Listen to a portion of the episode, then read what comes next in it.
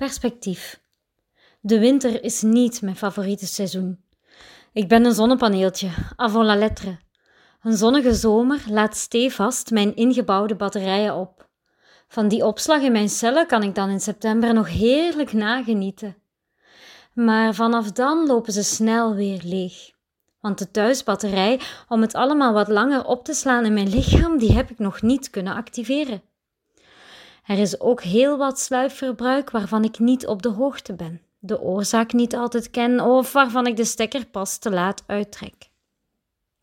Elk jaar opnieuw kijk ik dan ook rijkhalzend uit naar een lenteprik, die voor mij het beste vaccin tegen de winterdip is. Die eerste zonnestralen, ze tintelen op mijn huid, de eerste bloemen bloeien, de eerste vogel fluit, weet je wel dat dit voor mij een zalige periode is waarin ik ook oprecht blij kan worden van een aankondiging van een prachtige zonnige week, maar waarin ik ook wel eens durf te mokken bij de voorspelling van sombere dagen. De grijze wolken van het beeld kruipen dan geniepig uit het scherm in mijn hoofd. En daar nestelen ze zich. Maken ze mijn gedachten mistig en veroorzaken ze gedachteopstoppingen en nutteloze omwegen. Geen Waze als redding, enkel wazig. Als ik een perspectieve persoonlijkheidstest, hey, topwoord voor galgje, zou moeten doen, dan zou ik waarschijnlijk het label perspectiefgevoelige stoornis krijgen. Ik hunker namelijk voortdurend naar uitzichten. En dan nog liefst alleen de goede, zoals vooruitzichten. En ik blijk hier niet uniek in te zijn. Vlaanderen zat op vrijdagavond 24 april, de avond van de Nationale Veiligheidsraad voor de grote onthulling der exitplannen, massaal voor de televisie te wachten. Drie uur later zaten we daar nog steeds en nog altijd zeer geduldig uit te kijken. Hm, kan je dat eigenlijk wel als geduldig benoemen als je twintig keer van kanaal wisselt, het startuur vijftien keer opnieuw opzoekt en de zin als ik hun was, hè, gebruikt? Hm. Maar goed, we zaten klaar. En dat bijzonder verwachtingsvol. Want we wisten dat er nieuwe perspectieven zouden komen. We durfden al een beetje dromen. Er was hoop.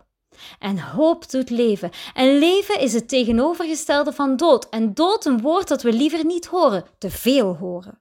Maar die opgebouwde hoop werd snel opgeruimd door een communicatiepuinhoop, die zelfs een beetje leek op een verfilming van de Toren van Babel. En die steeds meer voeding gaf aan wanhoop. En eerlijk, wanhoop is geen perspectief, maar een stop. Full stop.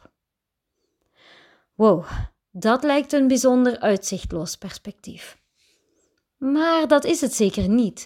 Toch niet als je gelooft dat er ook hemelse vooruitzichten zijn en als je gelooft dat wanneer de aardse tent, het lichaam waarin we wonen, wordt afgebroken, wij van God een woning krijgen.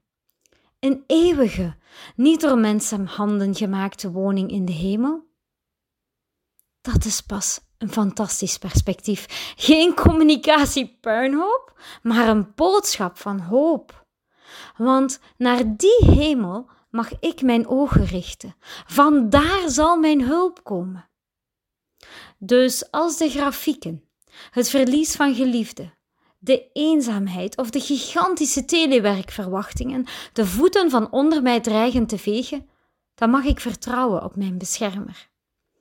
Ik zal me misschien door elkaar geschud voelen. Mijn hoofd zal het niet altijd kunnen vatten. Mijn hart zal breken en mijn maag zich draaien. Maar mijn voeten? Nee, die wankelen niet.